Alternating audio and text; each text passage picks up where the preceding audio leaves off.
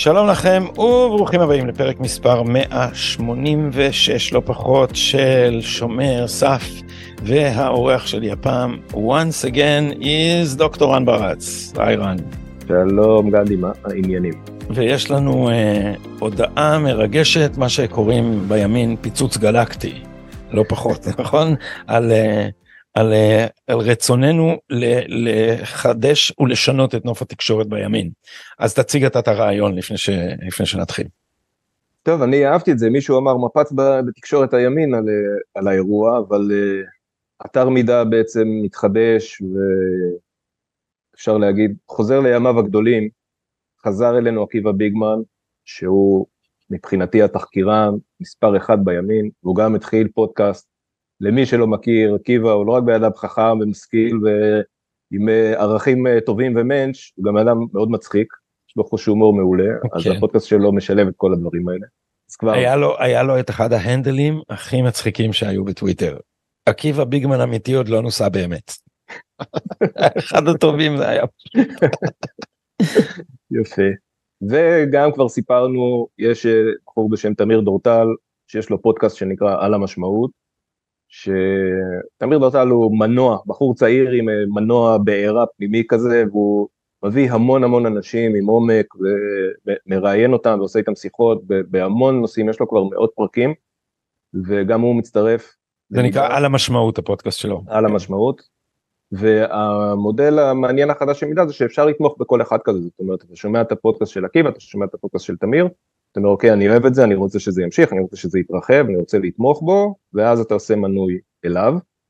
ועכשיו הנה הבשורה החדשה שלנו והיא שגם גדי והפודקאסט שלו שגם יש לו כבר כמעט 200 פרקים ואנחנו 186 אמרת? כן, כן. כן. גם הוא מצטרף לשיתוף הפעולה הזה עם אתר מידע ואני אתחיל ואומר אחרי זה אני אוסיף קצת דברים uh, בהקשר יותר אישי אני אגיד שהפודקאסט של גדי הוא אחד הדברים הכי טובים, אם לא הכי טוב, שקרה לימין בתקופת הקורונה. נכון? התחלת את זה בקורונה. כן, כן, כן, התחלתי את זה, כן. והוא גם מקבל את ההכרה לזה, הפודקאסט הפוליטי השלישי הכי מואזן בישראל, או הכי מצליח בישראל, בדירוג, שמתחרה רק במאקו, כן? שתבינו, כאילו, גדי מהבית מתחרה במאקו עם אה, המיליארדים שלהם. זה בגלל שיש אבל... לי פה אולפן, שזה אהרון כביסה. עוד לא חשפתי את הפרט הזה. אל תגלה, אל תגלה. אבל זה, אני הרי נחשפתי לזה כמו צרכן, לפני שראיינת גם אותי, והייתי משתתף, אבל פשוט פודקאסט בעל חשיבות מטורפת. לא רק מראיין אנשים חשובים, גם מראיין אנשים שלא ידועים, אבל עם דברים סופר חשובים להגיד, וזאת במה שהימין חייב אותה, אני קורא לזה אוויר לנשימה פוליטית. זה פשוט מקום ש... נותן לנו עומק ונותן לנו אה, בסיס אינטלקטואלי. אני מתקשה לחלוק עליך פה בעניין הזה רן. למרות שיש מצב שאני בניגוד עניינים אבל אני בינתיים מתקשה. בניגוד עניינים אבל חלק מהקרדיט מגיע גם למרואיינים אז גם אני בניגוד עניינים קצת. כן, אבל לעוד הרבה אנשים. אולי לפני שאנחנו ממשיכים נתייעץ עם גלי. כי אני מרגיש שיכול להיות שיש אה, צצה כאן בעיה. אז בכל אופן מעכשיו יהיה אפשר לעשות. אז אני רק אני אגיד עוד דבר אחד ואחרי זה אתה תגיב ואני אגיד עוד משהו ש... שאני לא, בדרך כלל אני לא אוהב לעשות פיצ'ים אישיים, זה לא, אבל אנחנו נתגבר על הרגשות שלנו, וגם אתה תתגבר על הרגשות שלך, תשים את האוזניות בצד ותסמיק בצד, אבל לפני זה אני רוצה להגיד, הדבר הזה זה אלפי שעות עבודה, וזה הגיע להישגים מטורפים, כולל ההישג לדעתי הכי חשוב מהשנה האחרונה, זה רעיון עם יריב לוין, בעצם המקום העיקרי שבו יריב לוין נתן את תפיסת העולם שלו על הרפורמה שהוא רצה להעביר, הייתה פה בפודקאסט הזה, תחשבו, זה ברמ... באמת אני אומר, אני בצד, זה, זה עדיין לא, לא שלי, זה רק גדי, זה הישג במקום אחר ברמת כמעט פוליצר, זאת אומרת המק... האירוע הכי חשוב בשנה במדינת ישראל מתנקד לפודקאסט של גדי, זה הישג מטורף, אני לא יודע כמה אנשים מודעים. לעוצמת האירוע הזה. אז אני, עכשיו תגובתך.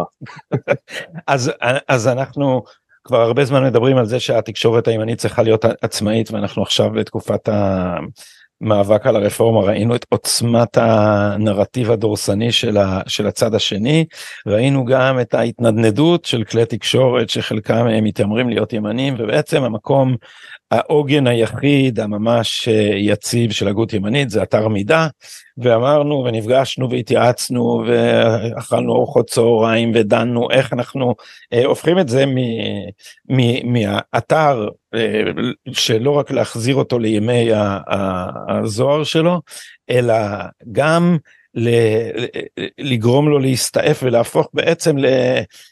האב תקשורתי ש, שיש מחוברים אליו כל מיני דברים שמחוברים אליהם פודקאסט ערוץ תחקירים מאמרים כתבות אה, ובעצם כמעט טלוויזיה ברשת כל מיני אה, תוכניות שעוד לאט לאט אה, נחשוף אותם אבל הדבר הראשון שעשינו אמרנו נחבר את הפודקאסטים לאתר מידע ונעשה תוכניות מנוי שעוברות דרך הפודקאסט ותומכות באותה הזדמנות במידה. אז הלינק שיש פה מתחת לסרטון זה לינק לכל מי שרוצה לתמוך בפודקאסט שומר סף. אפשר בשקל ליום בסיס חודשי מתחדש שני שקל ליום בסיס חודשי מתחדש ומנוי הזהב המופלא בארבעה שקל אה, ליום שיקנה גם גישה לדברים אחרים שאנחנו עדיין מתכננים אותם בין השאר פגישות זום עם אנשי הצוות מתוך אה, אתר מידע ומהפודקאסטים האחרים. אז עד כאן הפיץ שלנו, כנסו ללינק, תראו מה יש, מה, מה יש לנו להציע. אה, אנחנו מתרגשים מפני שאנחנו מקווים שהמונח מפץ בתקשורת הימנית עוד יוכיח את עצמו. אוקיי, אז אני, אני אגיד רק, רק עוד משפט אחד ברשותך. כן. לא אישי, אני לא, לא אביך אותך. אני, רק, אני רוצה להגיד לאנשים באמת הדבר הבא. יש לנו לוחמים בחזית, ועכשיו אני מדבר אליכם, לא לגדי.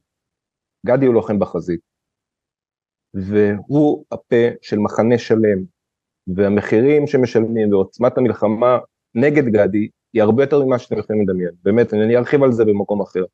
הוא פשוט נמצא בחזית של החזית, בקרב תרבותי ופוליטי ואידיאולוגי.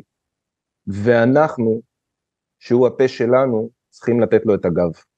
זאת המשמעות של התמיכה, לתת ללוחמים בחזית את הגב, זה התפקיד שלנו הציבור, ואני אומר באמת, גדי כל כך הרבה פעמים הוא הפה שלי, ואני מרגיש את המחויבות הזאת לתת לו את הגב. זה התפקיד שלנו, זה לא, זה לא פוליטיקה ולא כלום, זה פשוט עניין אזרחי, מחויבות אזרחית, שיש לדעתי לכמעט כל מי ששומע את הפודקאסט הזה, צריכה להיות לו איזושהי מידה של מחויבות לדבר הזה. זהו, עכשיו בוא נעבור לדבר על וואו, דברים. אז קודם כל ממש תודה, אני באמת אה, באמת התרגשתי מדבריך.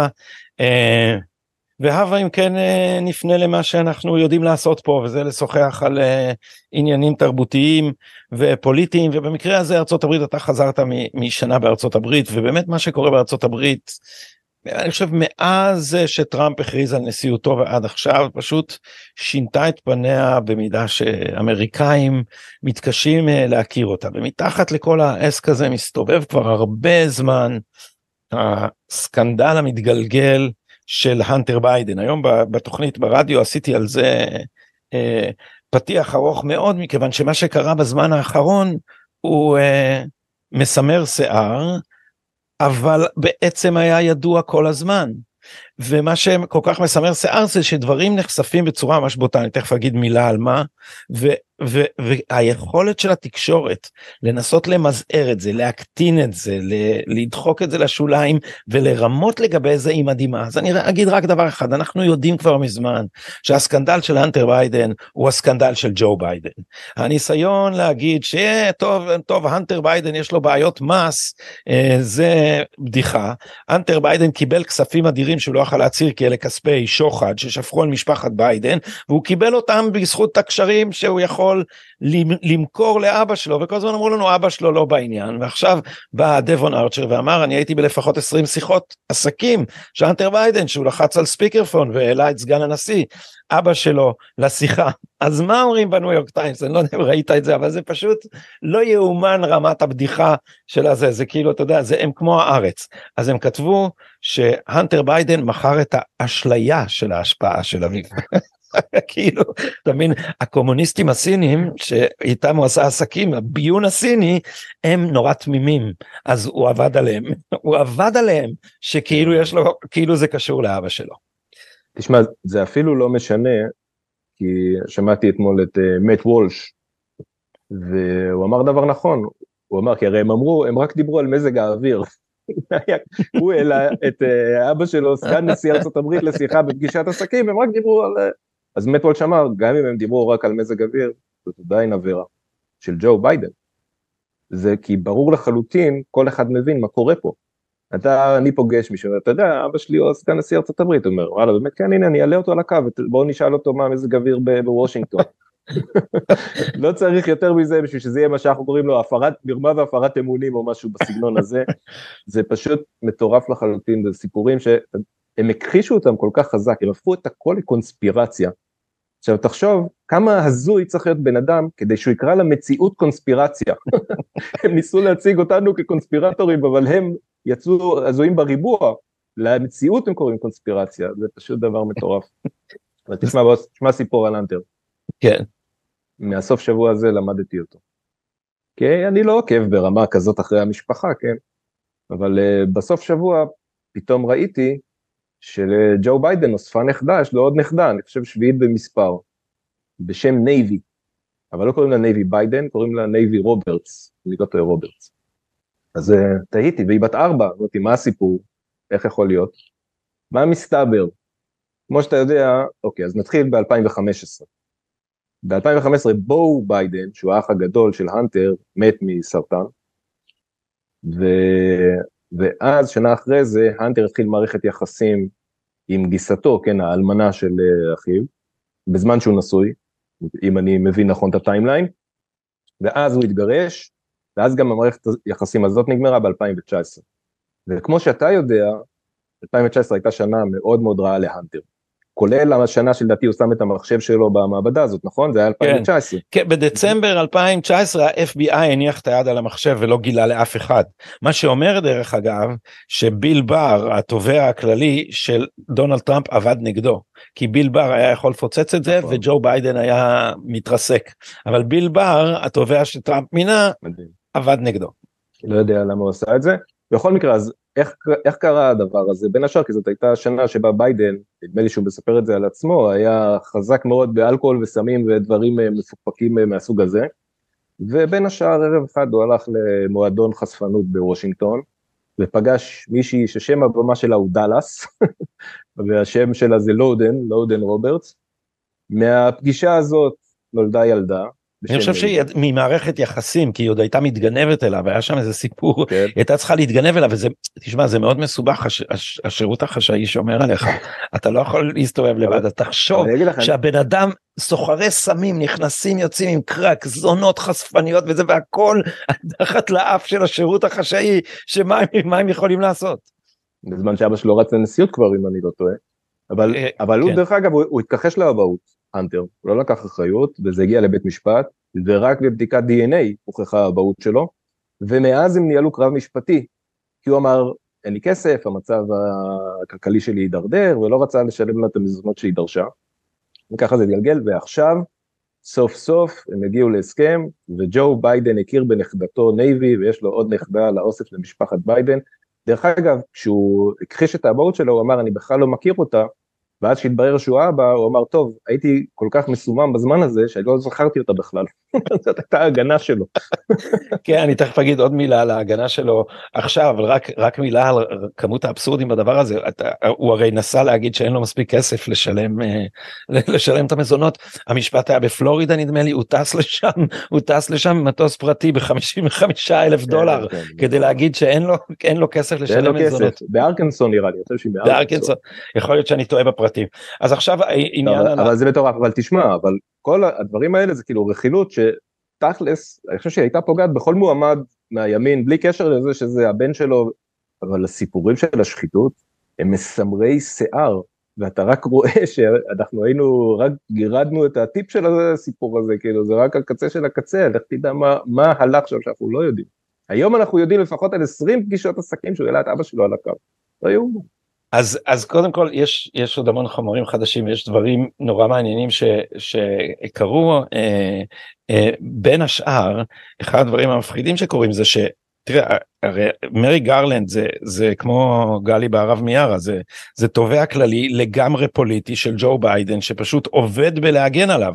ולכן מריק גרלנד עיכב את כל חקירות המס של האנטר ביידן ולכן הגיעו ה-whistleblowers לקונגרס ואמרו תשמעו לא נותנים לנו לחקור ואז פיטרו את כל הצוות והחליפו את הצוות וכל העסק הוא חקירות מס כאילו אם ירימו את החקירות מס אתה יודע מושכים את החבל הזה בקצה יושב הבית הלבן אז הם, הם, הם לגמרי יודעים ממה, ממה הם מפחדים אז, אז מה שקורה הוא שיש תובע כללי שהוא בעד ג'ו ביידן ויש צוות ההגנה של ג'ו ביידן הקטגורים והסנגורים עובדים ביחד כדי לנסות לנטרל את הפצצה ועכשיו שני סיפורים מעניינים על זה אחד הגרסה המטופשת שהם מנסים למכור.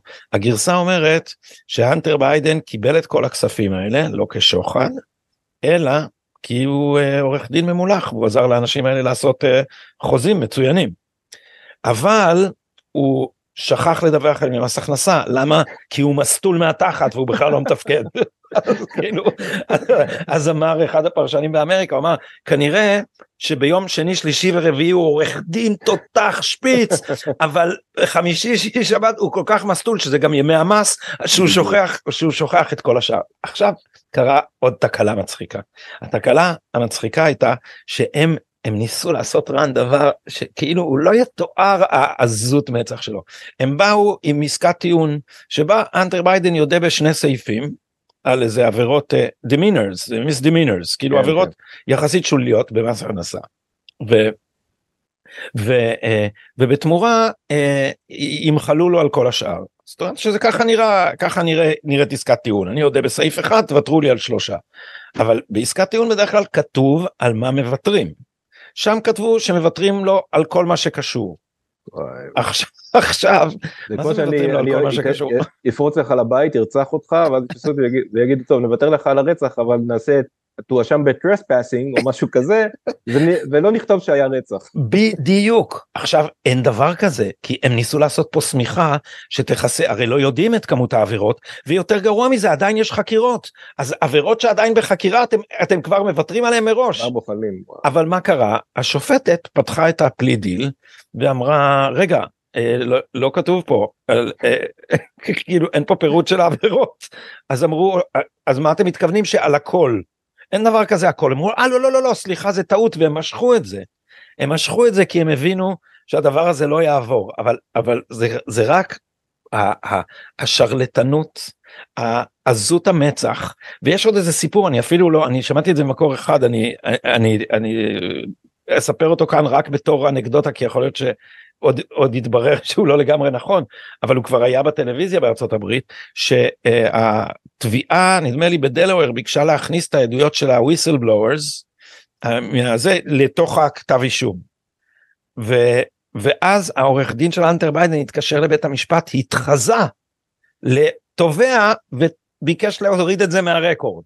עכשיו תשמע, זה סיפור כל כך מטורלל, אתה יודע, מתקשר עורך דין עובד על מישהו, הוא עובד, ואם זה נכון ותפסו אותם, אז, אה, אז, אז, אז הסיפור הזה עבר את, אז אני לא מאשים את מי שיחשוב שזו תיאוריה קונספירציה, כי זה ממש, זה מטורלל ברמות אחרות, אבל מה זה אומר על הפוליטיקה האמריקאית? לא, תשמע, קודם כל, אתה רואה, ואני מניח שזה נכון גם אצלנו במידה לא מבוטלת, שבאותה עוצמה שבה הם רודפים את הימין, כמו שעובר עכשיו טראמפ, ככה הם גם מגינים על אנשי שלומם. ואת אותם פאולים שהם עושים ברדיפה של אנשי ימין, הם יעשו בשביל אה, שאנטר ביידן יצא עם איזה שני מיסדמינורס כאלה, ו... וג'ו ביידן לא יקרה לו כלום, וכמובן שלא ייחקר ולא יואשם בשום דבר. והקבלה לישראל היא מדהימה, עכשיו תראה, זה, זה לא בכל המדינות ככה, זאת אומרת, ארה"ב וישראל עברו באמת במקביל איזה trajectory כזה של משפטיזציה פוליטית,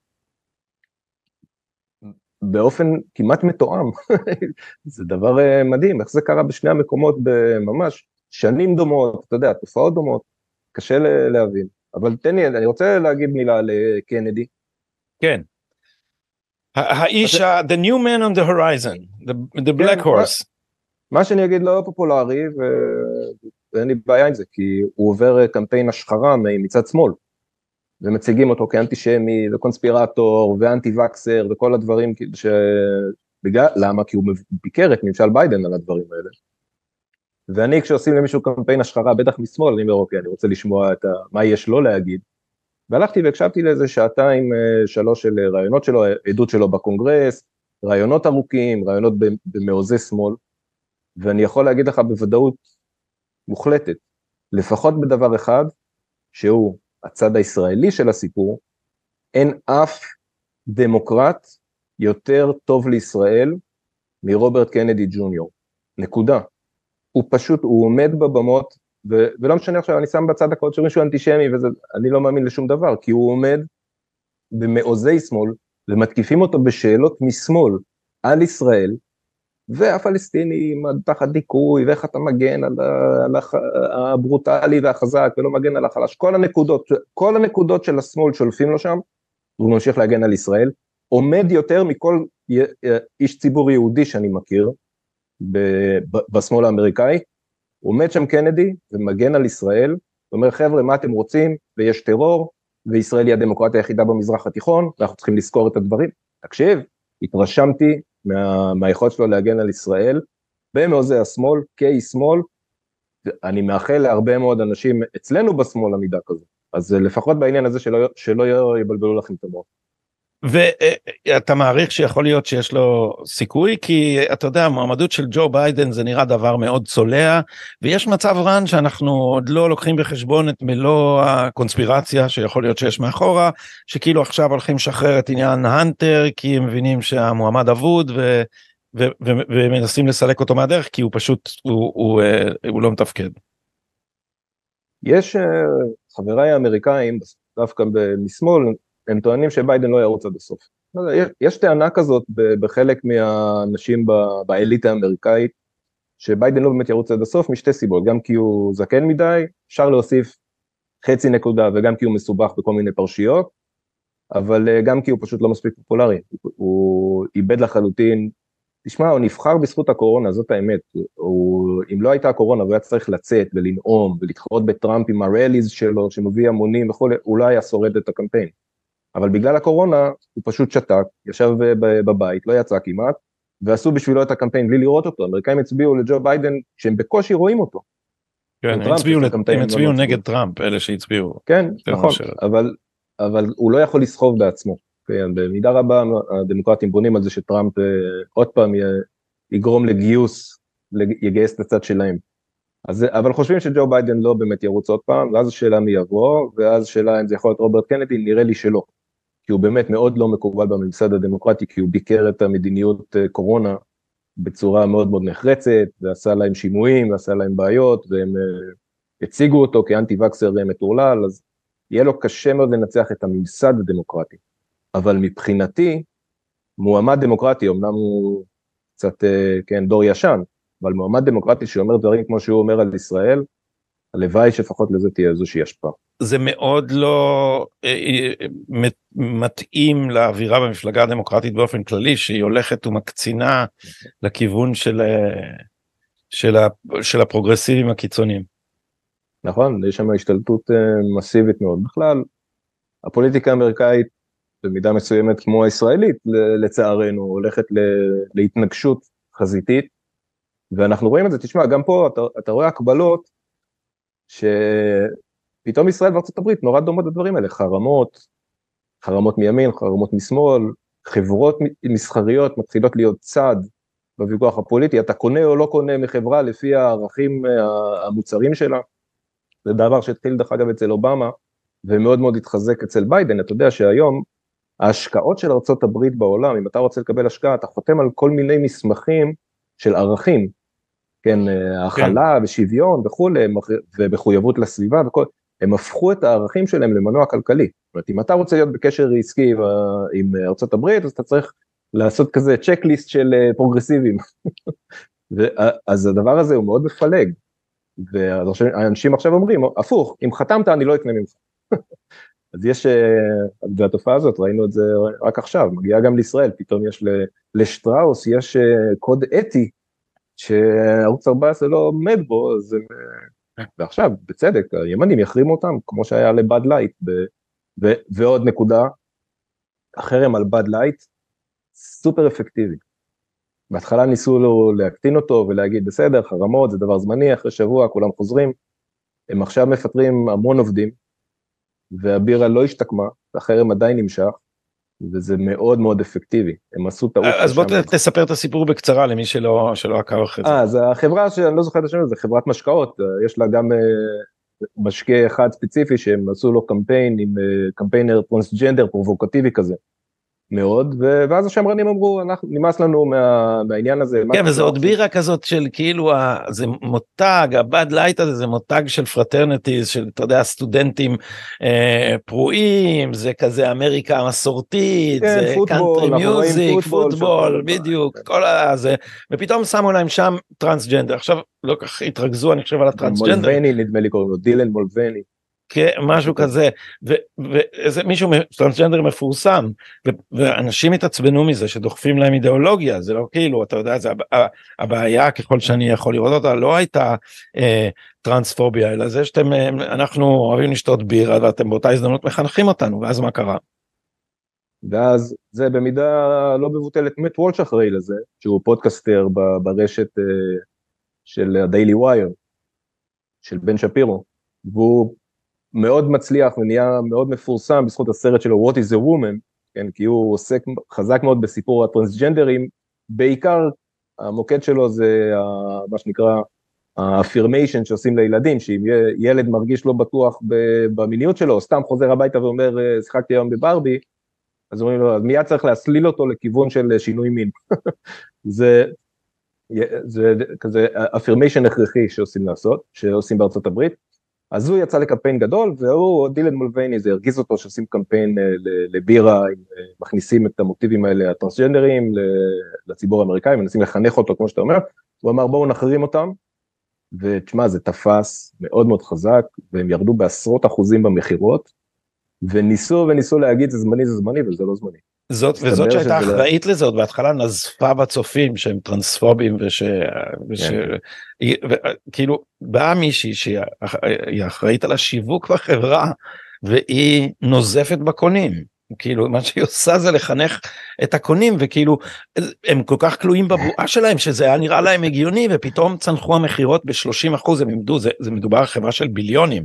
כלומר פה הפסידו כמה מיליארדים על המטורללת הזאת ש, שעשתה את הקמפיין והיה גם וידאו של קיד רוק שיר מכונת ירייה זה כאילו הכי אמריקאי בעולם שאמר אני אראה לכם מה אני חושב על Bud Light ואז הוא הסתובב המצלמה רואה שהוא העמיד כזה שתי ערימות של, של, של כאלה מארזים של זה והוא מרסס אותם בתת מקלע ובאמת באמת לא הצליחו לא הצליחו להתאושש ואני לא יודע. אבל תשמע זה זה יפה. זה מראה את גודל הבועה שלהם כי בעצם הקמפיין שלהם הצליח. ומה שמט וולש כי מה מט וולש בעצם אמר? אם אתה שותה Bud Light אתה מזדהה עם הטרנסג'נדר. ואם אתה בן אדם שמזדהה עם המשפחה הנורמטיבית האמריקאית אז אם אתה שותה Bud Light אתה משדר, אתה מעביר מסר לא נכון, זאת אומרת אתה פתאום מזוהה עם האג'נדה, ואתה לא, לא חלק מהאג'נדה, אז אל תשתה. ובאמת אנשים התחילו לדלג על, על Bud Light בסופר. לא, מה, אני צריך עכשיו להיות אה, חבר של דילן מולבני כאילו ב association אז, הקמפ... אז הם הצליחו לחבר את, הרי כל קמפיינר הוא רוצה לחבר את המותג עם, אה, עם הערך, כן? ושנאה הייתה פה לפי דעתך? שנאה? טרנס, טרנספוביה וכל הדברים האלה. תראה, אני, הרי זה תמיד אומרים שאם אתה, יש לך איזה ביקורת, מיד אה, מציירים אותך כשונא ורשע וכולי וכולי. יש... Uh, And a racist, a racist, כן, כמו שאומר... אתה, אתה מיד הכל. כמו שאומר טאקר קרלסון.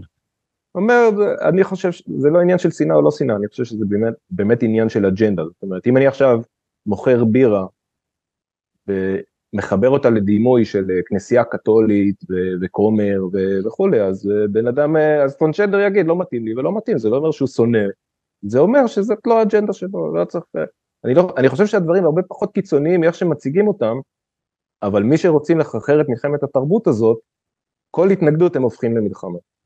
ולדעתך בארץ זה יעבוד? נגיד קוקה קולה אה, לא סירבו מה קרה? הם סירבו לפרסם בערוץ 14 או משהו כזה.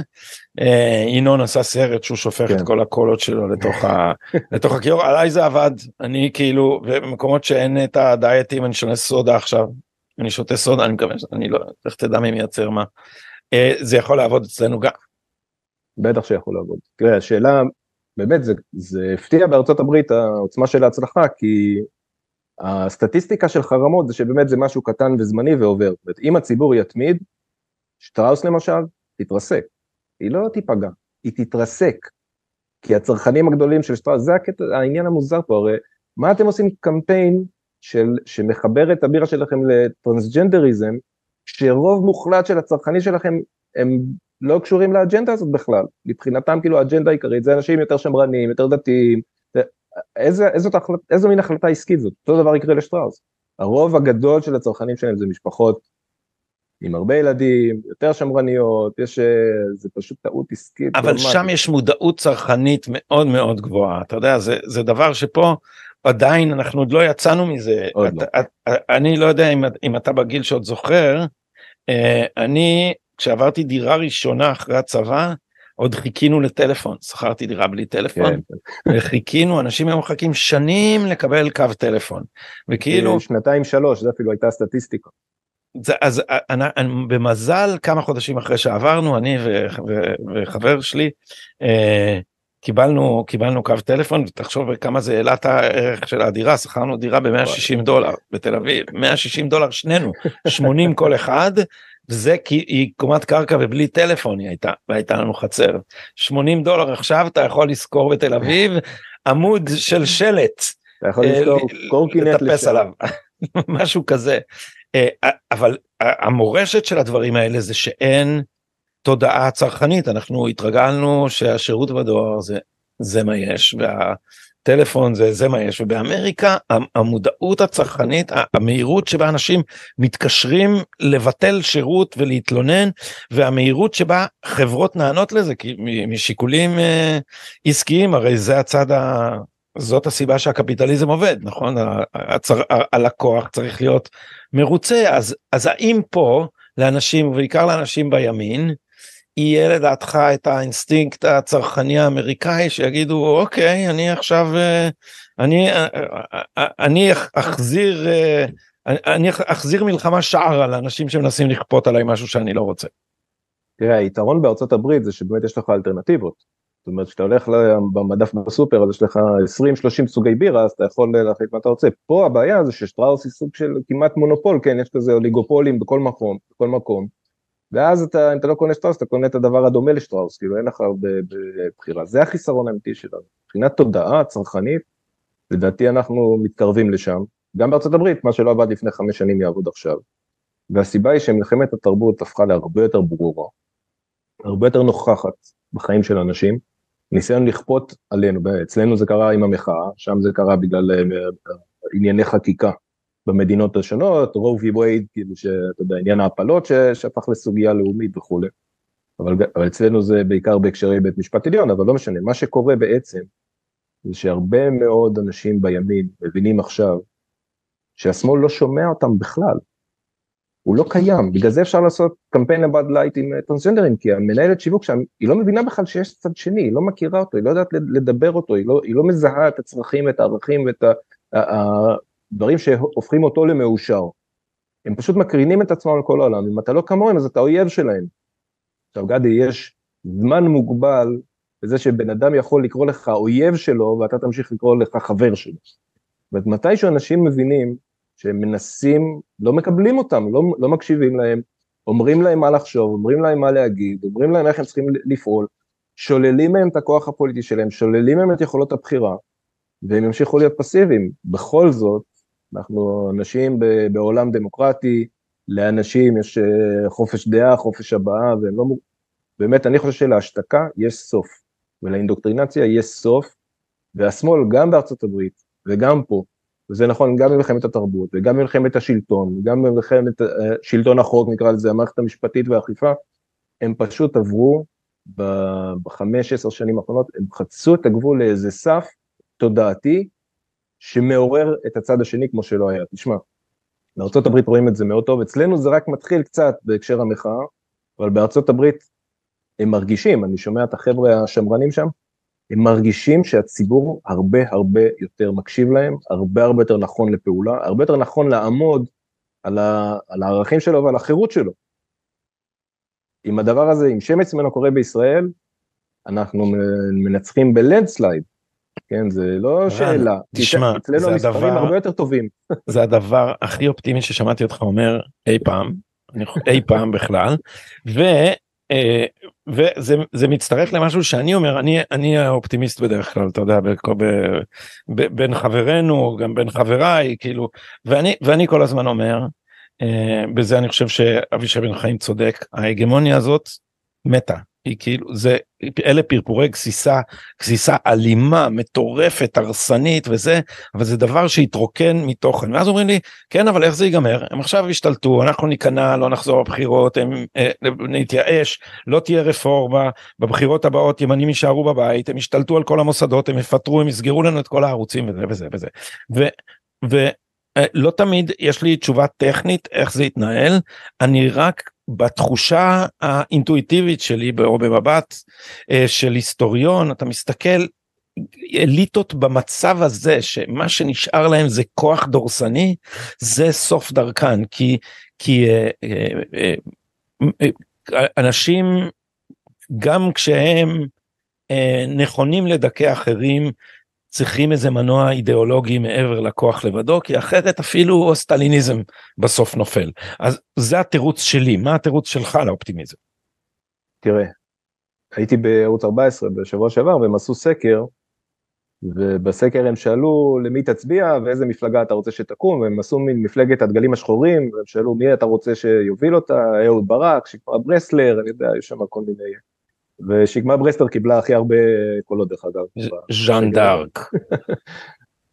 אבל ארדוגו העיר שם, למרות שלא ראיתי את הנתונים, אבל הוא אמר שהוא ראה את הנתונים, והמצביעים של המפלגה הזאת, מפלגת הדגלים השחורים, זה פנסיות תקציביות, אין שם צעירים.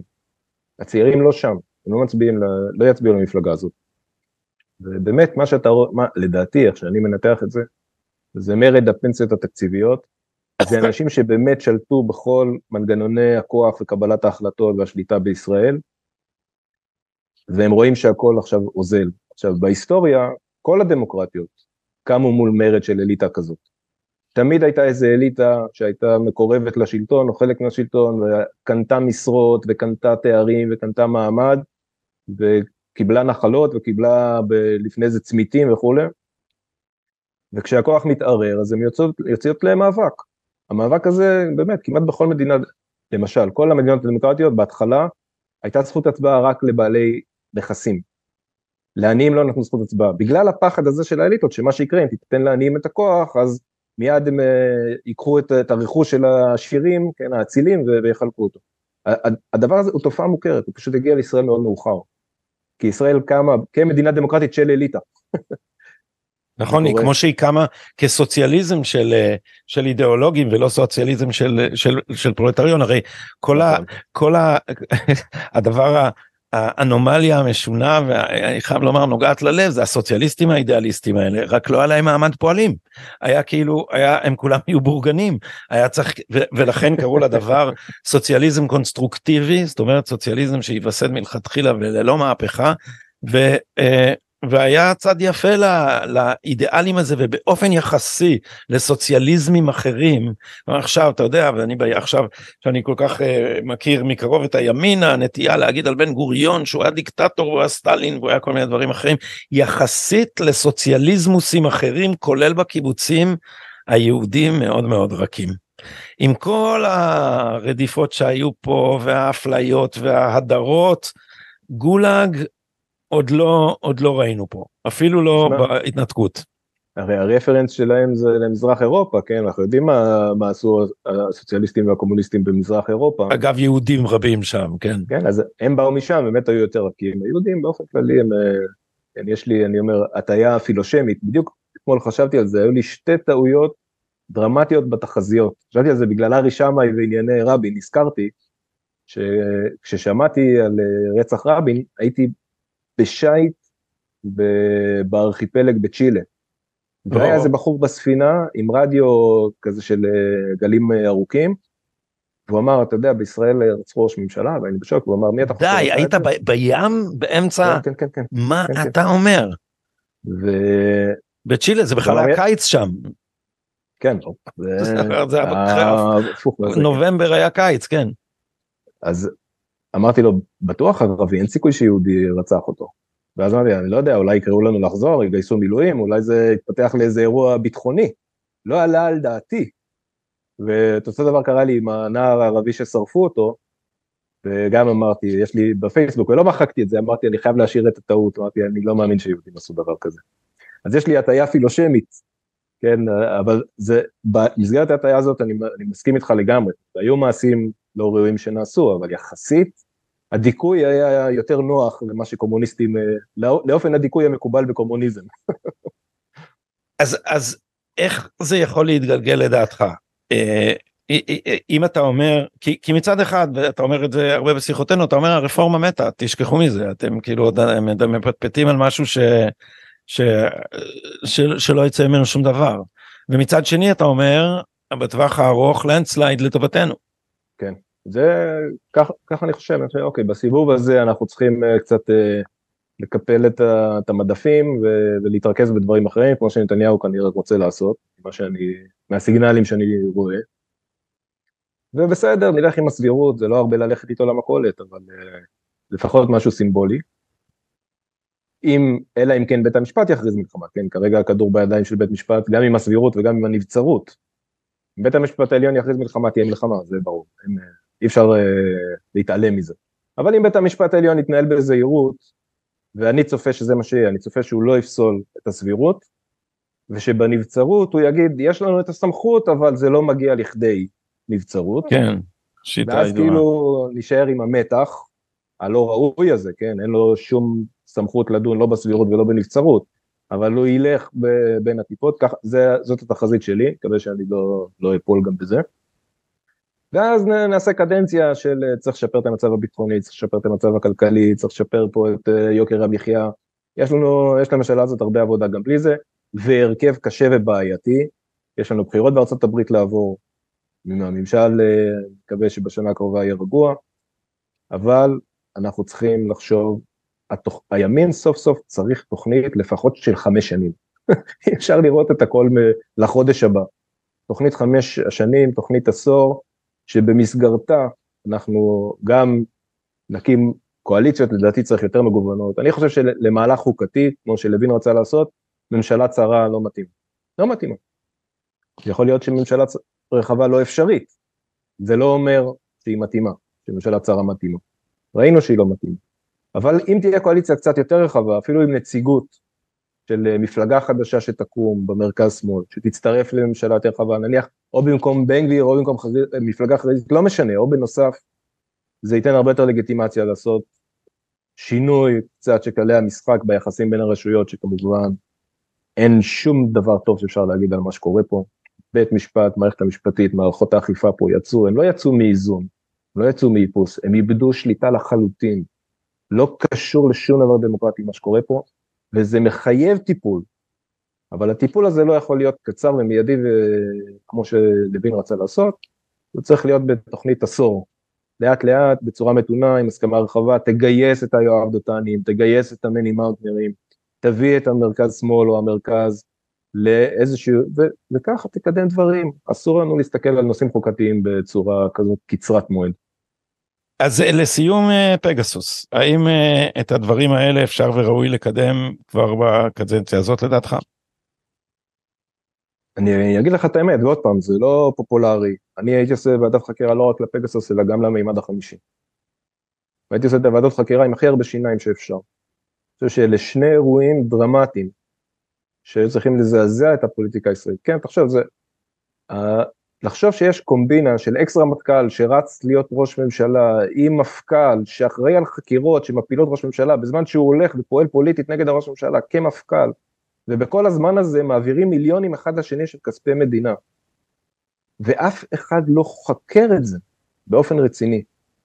אם יש שחיתות הרי זה, זאת שחיתות מובהקת, עכשיו יכול להיות שכול, שיחקרו ואין כלום, אבל לא לחקור חשדות ברמה כזאת של שחיתות עסקית בכספי מדינה עם אנשים שיושבים בצמרת של הצמרת. לא רוצה ל... בוא נגיד ככה, אם זה היה דרעי ומקורב של דרעי, לא היינו שואלים את השאלה אם צריך חקירה או לא צריך חקירה, היינו כבר עמוק עמוק עמוק בתוך ההדלפות של העדויות. אז, אני, אז, אז גם מימד חמישי לדעתי זה אירוע שעבר בשקט מדי, ממש בשקט מדי, וצריך לחזור אליו, אי אפשר להניח לו, למען, אה, כן, למען שלטון החוק. ולגבי פגסוס, אני צחקתי שהטלפון שלי איתי, כנראה התקינו לי את הפגסוס בגרסה הישנה שלו, הוא מכביד לי על הבטריה. תראה, אף אדם שמתנגד לוועדה עם שיניים חדות מאוד בעניין פגסוס, עם הסמכויות הכי נרחבות שאפשר כדי לחקור מה קרה פה, לא ראוי להתקרב מרחק של 100 קילומטר מהתואר ליברל. נקודה. הייתה פה פגיעה כל כך חמורה בצנעת הפרט ובזכויות הפרט, שאף מדינה דמוקרטית לא יכולה להרשות לעצמה אפילו צל של משהו קרוב לזה, זה כל כך מזעזע, כל כך מזעזע, שהשמאל בעצמו חייב לבוא ולדרוש דין וחשבון מלא, ואני מבטיח לך שכשיהיה דין וחשבון מלא, אתה תראה שגם הרבה אנשי שמאל ישבו עם פגסוסים. הם הרי לא מבחינים, הם רוצים שליטה בכולם, ימין ושמאל. זה לא מעניין אותם הזהות הפוליטית, מעניין, האנשים שעושים את זה מעניין אותם הכוח. זה כמו שבתיקים הסודיים של המשטרה על, על אנשים של יצחקי, זה לא יכול, לא, גל הירש היה יכול ללכת לשמאל, אף אחד לא ידע, לא, לא צריך, היה צריך כוח על אדם שיש לו בולטות בציבוריות הישראלית. ועם זאת אני מתערב איתך שכש, שעכשיו כשתקום הוועדת חקירה הזאת השמאל יגיד אתם מנסים להחליש את הפרקליטות בשביל לחלץ את נתניהו. חותם לך. ברור שהשמאל יגיד את זה וברור שתראה השמאל ב, הוא בדברים האלה פועל נגד האידיאולוגיה של עצמו. השמאל היה צריך להתייצב פה אני חושב באופן אותנטי לטובת האזרח ולא לטובת אג'נדה ואפילו זה לא קשור אני לא חושב שזה עוזר לנתניהו אבל אפילו אם זה עוזר לנתניהו, הוא היה צריך להתייצב לטובת האזרח ולהגיד, אני נגד נתניהו, אבל לפני זה אני שומר על אזרחי מדינת ישראל, ממני הוא היה מקבל כבוד על אמירה כזאת. לצערי אין, אין כרגע למי לתת את הכבוד הזה. אז לסיום אנחנו נזכיר שוב שאנחנו מציעים לכם לתמוך בפודקאסט הזה ובתוך כך גם באתר המידע לינק ישנו מתחת לסרטון ואנחנו עומדים לחולל איך קראנו לזה רן? אה, מפץ? מפץ. מפץ בתקשורת. מפץ בתקשורת. בתקשורת הימנית או בלשונו של ינון פיצוץ גלקטי. אה, ואני כבר מזהיר אותך גדי, שלא בנוכחותך אני הולך להביך אותך בדיבור על המנוי ועל הפודקאסט הזה, כי אנשים באמת חייבים לבוא ולתמוך. אז תודה רבה לך על השיחה הזאת, ותודה רבה לך על התמיכה, ולא פחות מכך על המחמאה שאני אשמור אותה בליבי. תודה רן על השיחה הזאת. תודה רבה גדי.